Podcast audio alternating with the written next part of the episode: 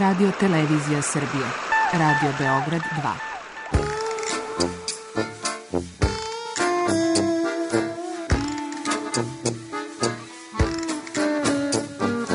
2. rekli su mi, gospodine, vi ste propanšili temu.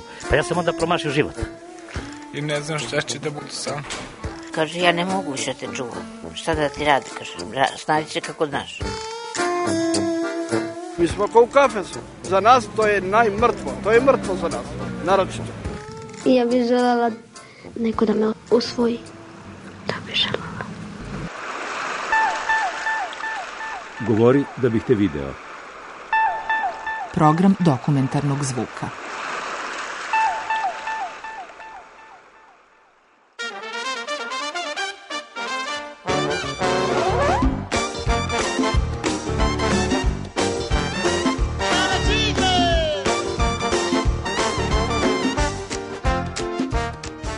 plesom oko sveta. Hace tiempo que estoy viendo que en la población hay un problema con la estética. Y resulta que hoy por hoy todos los chamacos quieren vestir de etiqueta. Yo conozco un personaje que tiene la solución, tiene la receta. En estos tiempos en que los mexicanos son tan Kad sam bila mala, pre nego što sam uopšte krenula na balet ili na plesove, ja sam dobila jednu kasetu od tate i um, znala sam tačno tremotavanje olovkom koju pesmu da pustim i bila je lambada. Ja sam imala svoju suknju za lambadu, ja sam djuskala po sobi, znalo se koja je koreografija, ko sme da me prati, čak sam ponekad stavljala i suknju na glavu da bih imala dugačku kosu kao brazilke devojke, to mi je bilo tako, sa dve, tri godine to je bila glavna tačka u kući.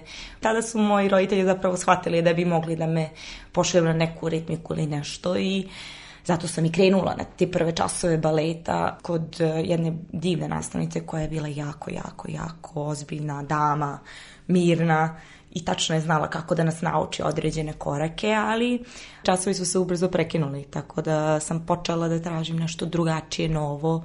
Interesovala sam se kod ljudi koji su igrali oko mene, uključujući i pozorišne predstave i stalno sam išla na događaje koji su imali veze sa koreografijama, sa nečim umetničkim što se dešavalo ali ovaj, što se tiče plesnih događaja u Smederevu, zaista nije bilo mnogo toga.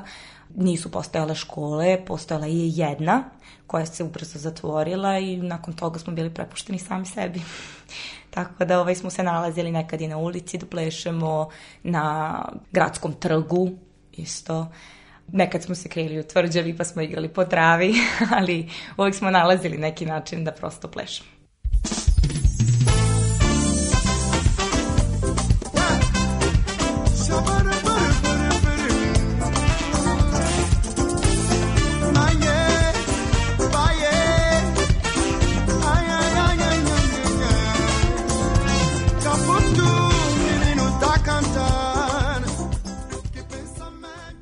cijela edukacija i sve što se dešavalo ranije, kao, bukvalno sam samog. Više sam puštala glasnu muziku, sobi skakala i isprobavala. Moravići su baš imali problem sa tim, tako da su mi jednom prilikom čak kupili slušalice sa dva metara kavom, kako bih mogla da slušam muziku sama, a ne sa njima. Međutim, slušalice su pukle jer sam ja radila nemoguće pokrete. U svakom slučaju, nisam imala neki način da naučim u to vrijeme, pre nego što sam se predstavila za Beograd, pre nego što sam otišla u New York već je sve bilo fokusirano na to koliko ja poznajem svoje telo i kako ja koristim pokrete svog tela da pokažem nešto što sam čula u muzici.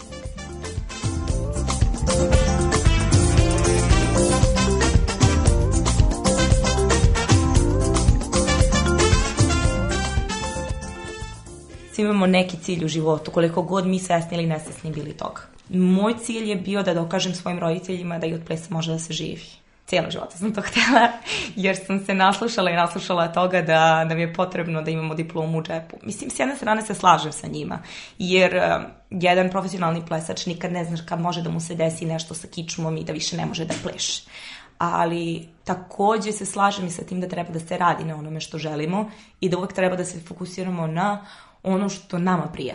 Jer smo previše fokusirani na život takav kakav nam je zacrtan nekom socijalnom sistemu ali ovaj, bilo je jako teško prvo ubediti njih da ja zaista to želim, drugo fokusirati se na školu, na edukaciju i plesati istovremeno, zato što meni je dan bio potpuno ispunjen od jutra kada odem u školu, pa onda dodatni časovi, ne znam, engleskog ili muzička škola u kojoj sam išla, jer je to jedina škola koja je zvanično postojala vezana za muziku i za ples, muzička škola Kosta Manojlović u Smederu, koja mi je jako pomogla jer da ja nisam naučila da sviram klavir i da razumem muziku, verujem da ne bih toliko dobro osjećala ritam ili bilo mogućnosti da plešem ali ovaj, morala sam da potrošim svoju energiju na neki način i da pobegnem iz nečega što je bila rutina, to jest škola, učenje, jer ovaj, to je bilo nešto moje, nešto što niko drugi u porodici nije radio, sem moje. Prosto mi je tako došlo da, da radim nešto drugačije. Ne, ne mogu da kažem da je to bila neka specijalna želja baš za plesom. Više je bilo nešto što znam da samo ja mogu da, da uradim. Sada, nakon gomele edukacija, imam jednu rečenicu koju volim da ponavljam, koju sam dobila od direktora Plesne akademije za hip-hop u Njujorku. On voli da kaže I am a banana because I say am a banana. Um, jako je smiješna rečenica, ali s druge strane jasno je shvatiti. Ja mogu da budem ono što ja želim samo ako ja sebe ubedim da sam ono što ja želim. Kanye woke yomhlaba nayile woke phara nayile woke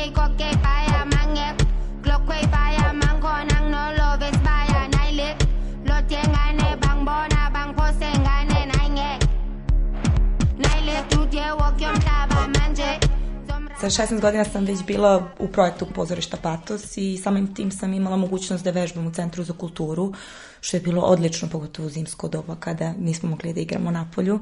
Tako da sam ja sa još par drugarica došla u Centar za kulturu i počela da igram. Iz dana u dan smo se nalazile tamo, znali smo već sve koji rade u Centru za kulturu i oni bi nam rekli možete tamo u toj sali mi krenemo da vežbamo i jednog dana se desilo da su neka deca jako mlađa od nas, e, verovatno u školskom odmoru ili tako nešto, došli u Centar za kulturu, pošto je odmah povezano sa osnovnom školom i videli su nas kako igram.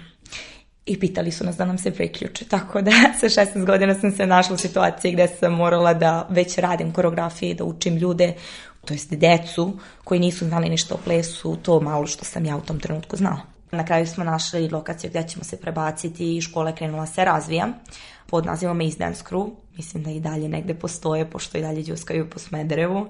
Ali ovaj, samo su dovodili druge ljudi razvijali su se i na kraju nastalo dve grupe, tri grupe i priča se širila prosto i htela ja ili ne, ja sam ostala njihov profesor iako nisam planirala prosto da, da, da imam školu za sobom, to je da imam decu Ta škola koju sam ja vodila je meni bila jako važna zato što sam negdje stvorila društvo te dece.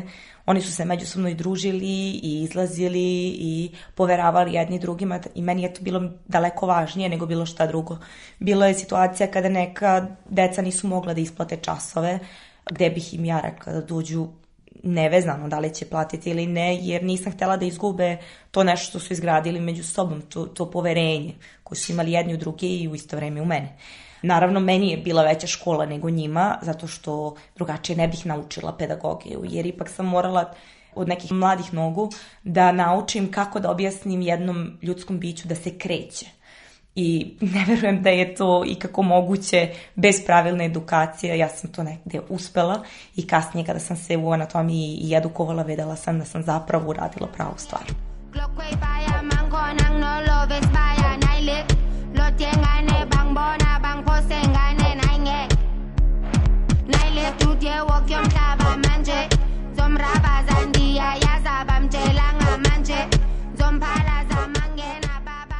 Kada sam otišla za Beograd da studiram, bilo mi je jako teško da ukombinujem sa plesnom školom. Međutim, uspela sam da prebacim sve časove na vikend, subotu, nedelju.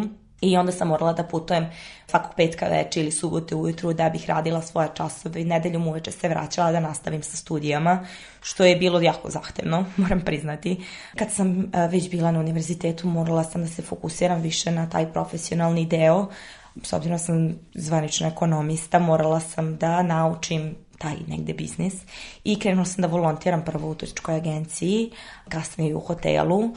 Međutim, negde sam se previše umorila između univerziteta, hotela, plesne škole i sve je to išlo uporedo. Tako da sam gledala gde ja mogu tu sebi negde da pomognem i videla sam da postoji program u Yorku, Hip Hop Dance Konzervatorium u Yorku koji radi edukaciju za instruktore, profesore preko leta. Prijavila sam se, primljena sam i roditelji su mi pomogli da odem za New York. Tada sam imala 20 godina, tako da po američkom standardu nisam bila još uvijek punoletna. Ali sam ovaj, otišla sama, našla sam dom u kome ću živjeti i počela sam edukaciju. E sad, što se te edukacije tiče, mogu reći da je bilo potpuno drugačije u odnosu na ono što sam ja očekivala. Bila je jako vojna Dakle, ustajalo se i rano ujutru, imali smo teorije, imali smo časove, imali smo određenu, e, određenu ishranu. Nismo mogli da se bavimo nekim određenim stvarima, nismo mogli da jedemo, recimo, picu ili takve stvari. Morali smo određenu količinu vode da unosimo. Za vreme treninga koji su trajali 4 sata imali smo samo 5 minuta pauzu između 2 sata i 2 sata gde bismo mogli da pojedemo bananu ili jedan mini bar i to je jedini trenutak kada smo mogli da pijemo vodu. Jer nam je bilo zabranjeno da pijemo vodu dok se mišići troše zbog kiseline koju mišići prave ukoliko se unosi velika količina vode i mogu reći da od nas 45 koje je krenulo, nas 11 je završilo kurs. Tako da je bilo jako, jako zahtevno, ljudi su bukvalno pucali, neki su čak i plakali na pola treninga, ali mm, moj moto je bio da ne prestajem, zato što neke stvari prosto kada se započnu treba da se završe koliko god teške bile, ako neko može da ih završi, to znači da mogu i ja. Tako da sam tu stavila sebi cilj da ću završiti to i da ću naučiti ono što zapravo želim da znam i tako je bilo.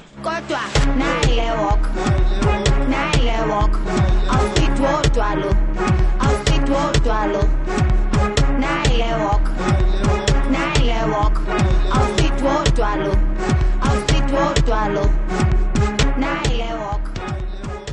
New York mi je daleko pomogao da izgradim disciplinu. Ne samo za ples, nego za život. Jer samim tim što nisam odustala od tih nekih ciljeva, shvatila sam da tako treba i kroz život. Ne, nevezano čime se bavim, da li je to ispit ili posao ili kratkoročni cilj. Uvek treba istrajati do kraja jer e, kakva god bila benefit, da li je ono što smo želeli ili nešto daleko manje, i dalje je benefit u odnosu na ono gdje smo bili, to od naše početne tačke. I naravno kada sam se vratila, bila sam daleko svesnija situacije u kojoj sam i počela sam više da se fokusiram na posao u smislu da završim fakultet jer sam bila svesna da da bi se bavila poslom koji želim, to jest plesom, moram prvo da završim ono što sam već započela a u isto vrijeme sam nastavila sa školom, prebacila sam znanje koje sam imala na ljude koje sam znala da će moći da isprate i kada to više nije bilo moguće, to jest kada je došlo vrijeme da se selim iz Srbije, imala sam ko će da nastavi sa time s čime sam ja započela u Smederevu, to jest da drži ljude oko sebe i da im pomogne da napreduju i da negde ne odustaje, isto kao što nisam ja.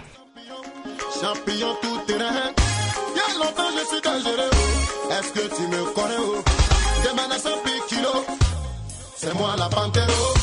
Connaisseur et connaît, sinon c'est professeur qui corrige.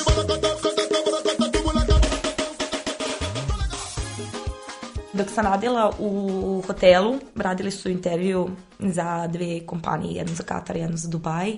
I ja sam tako u uniformi došla i predala svoj CV za Dubaj i primili su me. Međutim, dobila sam ponudu za posao u februaru i e, rečeno mi je da za maksimum pet meseci moram da se ocelim za Dubaj.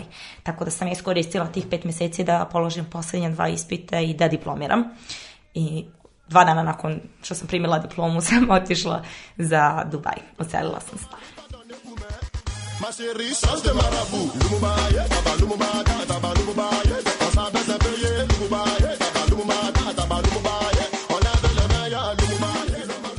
Radila sam za Emirate kao stewardesa.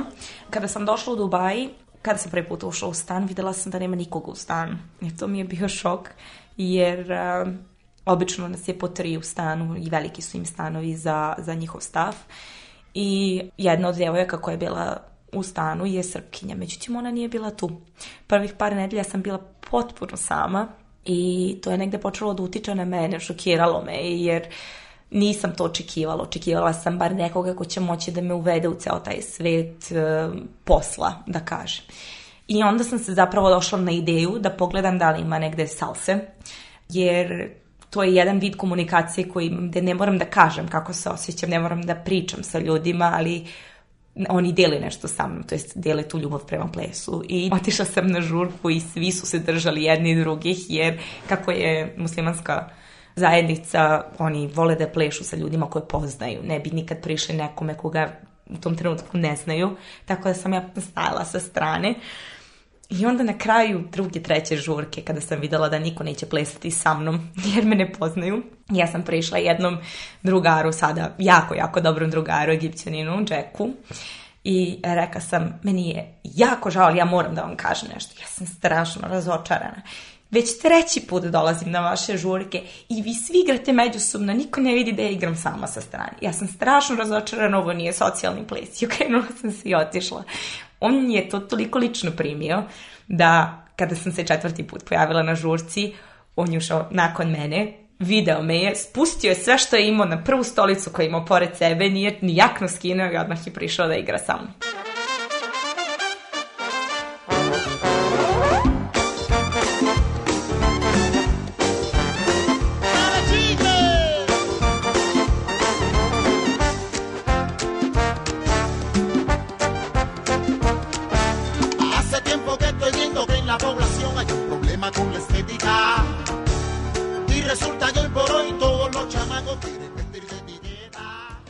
bilo jasno u to vrijeme da hoću da putujem. Jer e, mnogo sam malo putovala, to jest ne baš. Putovala sam dosta sa roditeljima, ali su to uglavnom bile iste destinacije. Znači, moji roditelji su stalno pokušavali da mene, mog brata i sestru, vode i na more i na zimovanje, kad god je to bilo moguće ako ništa drugo, bar do baki i deke, uvijek smo išli negde.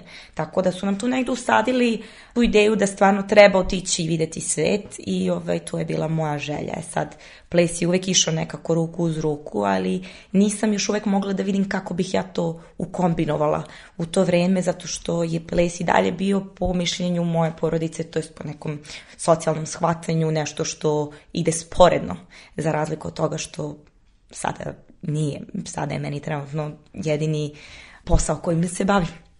Ali ove, u to vreme stvarno se mislilo da čovjek treba da radi nešto, da ples dolazi sporedno. Kasnije kada sam se već navikla na posao, kada sam znala šta radim i čime se bavim, e onda sam krenula da koristim ta putovanja u svoj benefit. To jest, organizovala sam svoje letove zavisno od toga gdje imam plesne događaje, gdje imam određene časove, seminare, edukacije, odmore svoje sam pakovala tako da bih mogla da odem na Kubu, da bih mogla da odem, ne znam, u Južnu Afriku, da bih mogla da odem u Australiju i da pokupim neke stvari koje možda drugim ljudima nisu dostupne, koje su meni, zahvaljujući mom poslu u tom trenutku, bile dostupne. I onda sam krenula od festivala do festivala da širim kontakt prijatelja i sada imam recimo ako odem u Brisel, imam prijatelja tamo. Ako odem u Pariz, imam prijatelja tamo. Imam prijatelja najboljeg, jednog od najboljih u Australiji druga, najbolja drugarica, mi je u Južnoj Africi. Tako da ovaj, ja sam uspjela da nađem taj svoj krug ljudi i jako su raštekani po cijelom svijetu, znam da ih uvijek imam.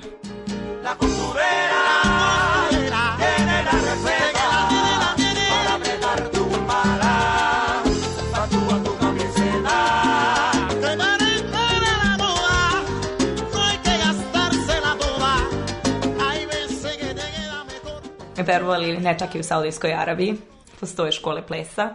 I ono što je zanimljivo kada je salsa u pitanju je da je stvarno jedna, jedna povezana mreža, kao paukova mreža. Svi se na neki način poznajemo i svi se nalazimo na različitim festivalima. Postoje grupe različitih plesova koje od festivala do festivala putuju i svi se poznaju. Ono što je još zanimljivo vezano za to je da e, ljudi koji se bave salsom ili bilo kojim socijalnim plesom izgube regularan socijalni život, to jest fokusiraju se samo na ples, tako da su sve odmori, pauze, vikend odmori organizovani da bismo mi išli da se nađemo svi zajedno. Jedna jako velika škola tanga ovdje e, ima jako lepo objašnjenje vezano za ples kada kažu zagrljaj. Stav za ples socijalni jeste zagrljaj jer mi propuštamo nekoga da uđe, da priđe našoj auri. Ja mogu stvarno reći da za godina koliko se bavim salsom kubanskom e, ne mogu reći da sam našla nekog čija energija mi ne prije na taj način da ne bih mogla ni jedan ples da odigram sa njim. Prosto su se ljudi slične energije, pozitivne energije našli i to razmenjuju među sobom. I oni to zovu širim ljubav.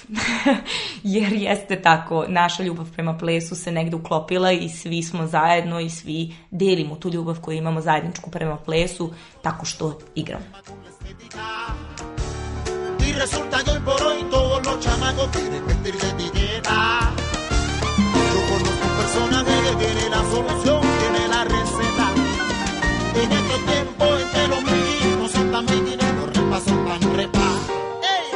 to vrijeme kada sam već krenula da putujem i da letim sam počela da, da menjam letove za Hamburg zato što je, e, to jest tamo živi moj sadašnji plesni partner Freddy Klan i sa njim od 2015.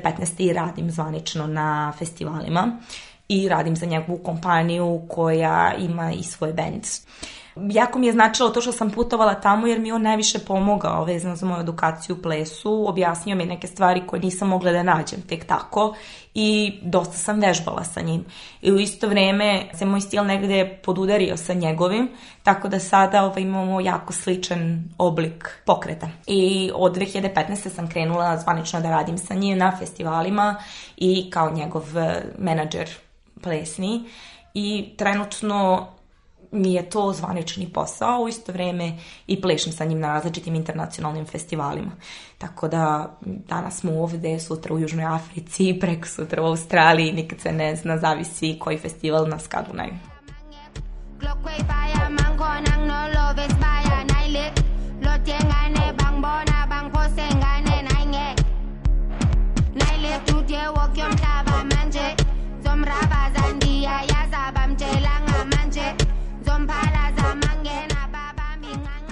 E, ja se bavim kubanskim i afrokubanskim plesovima i afrokubanski plesovi imaju taj neki influence iz Afrike, iz e, te stare kraljevine Kongo. Um, tako da ovaj, sam shvatila da različiti instruktori različito objašnjavaju određene korake, to je body movement koji je nama potreban da odigramo to što je nama potrebno da odigramo. Tako da sam tu shvatila da Prava informacije o tome kako ja treba da igram taj pokret, mogu dobijem samo iz Afrike. Ipak je to vezano za njihovu religiju takođe, tu neku Yoruba religiju i ostale koje okružuju i definitivno prava informacija kako to treba da se izvede može dođe samo iz Afrike jer sve ostalo je rekla Sve ostalo je prebačeno, naučeno, negde i, i uticaj cijele situacije i robstva je promenio taj pokret, tako da ovaj, moja želja je najviše da se baziram na to kako saista treba to sve da izgleda i zato sam i krenula u istraživanje po Africi. U Južnoj Africi sam bila već 27 puta, u Maroku sam bila dve godine, bila sam i u Zimbabveu, bila sam u Abidžanu, Akri, Uganda takođe, tako da stvarno se trudim da otputujem svaki put kada mogu, da bih saznala nešto više što prosto nije dostupno na ovim krajevima. Neke stvari moramo uzeti star, od car, neke stvari moramo naučiti na toj lokaciji. Uticaj koji afrički pokret ima na današnji ples, nevezano koji, čak i nacionalne, e, je jak, veoma jak. Tako da ovaj, mislim da treba istražiti tu bazu i tu sam negde i saznala da postoje grupe i kompanije koje se bave samo tim edukacijom i istraživanjem plesova koji e, različita afrička plemena imaju. Ja, ja se time bavim i više trenutno teorijski, zato što smatram da samo ako imam pravu informaciju, to može se odraziti na moje telo. Opet se povezujem sa onim, ajmo banana because I said banana. Zato što činjenica je da samo ako znam informaciju, ja mogu da naučim svoje telo da je pravilno isprati. Ako je to polovična informacija, moje telo nikad neće ispratiti to kako treba. Josh manje bafuna i-gross manje bafuna le wave mangiwalka ngiyalinga mangiphuza ngiyancika mangiploma ngiyashisa mangiqoka ngiyanqiba sizonyathela timoni dimoni dimoni dimoni zodwa batutophi dilosi dilosi dilosi dilosi Ja sam i dalje menadžer benda i uh, kompanije Feklan, tako da ću se najverovatnije oceliti u skorije vreme u Nemačku i nadam se iskreno da će mi iz Nemačke biti daleko jednostavnije da putujem jer je ovaj projekat kojim se trenutno bavim meni lično važan. Stvarno mi je jako važno da nastavim, da putujem u Afriku što je više moguće i da izvučem sve moguće informacije kako bih edukovala sebe, a možda i druge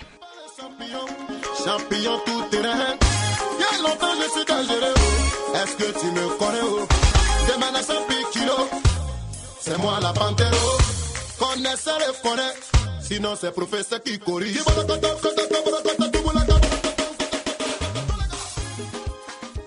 Jako je teško živjeti u koferu. Mislim da je moja majka to najbolje shvata svaki put kad me vidi sa koferom i njoj se prevrne stomak, ali ova je ovaj činjenica da sam ja negdje i navikla na, taj, na, na, na putovanje i na to da sam stalno negdje. Ne verujem da bih mogla da se vežem za jedno mesto, jer jednom kada navikneš da danas vidiš drugo u Australiji, sutra u Južnoj Africi, preko sutra u Parizu, to prosto postane sastavni deo tvog života i biti vezan u jednoj zemlji ne, u nemogućnosti da, da, da se pomeriš, to je neka baza postane jako daleko, to je ne neki cilj. S jedne strane volila bih da budem bazirana negde, ali e, isto tako baza me ograničava. Mislim da nisam tip osobe koja voli da bude ograničena jer ipak su moji prijatelji tamo negde.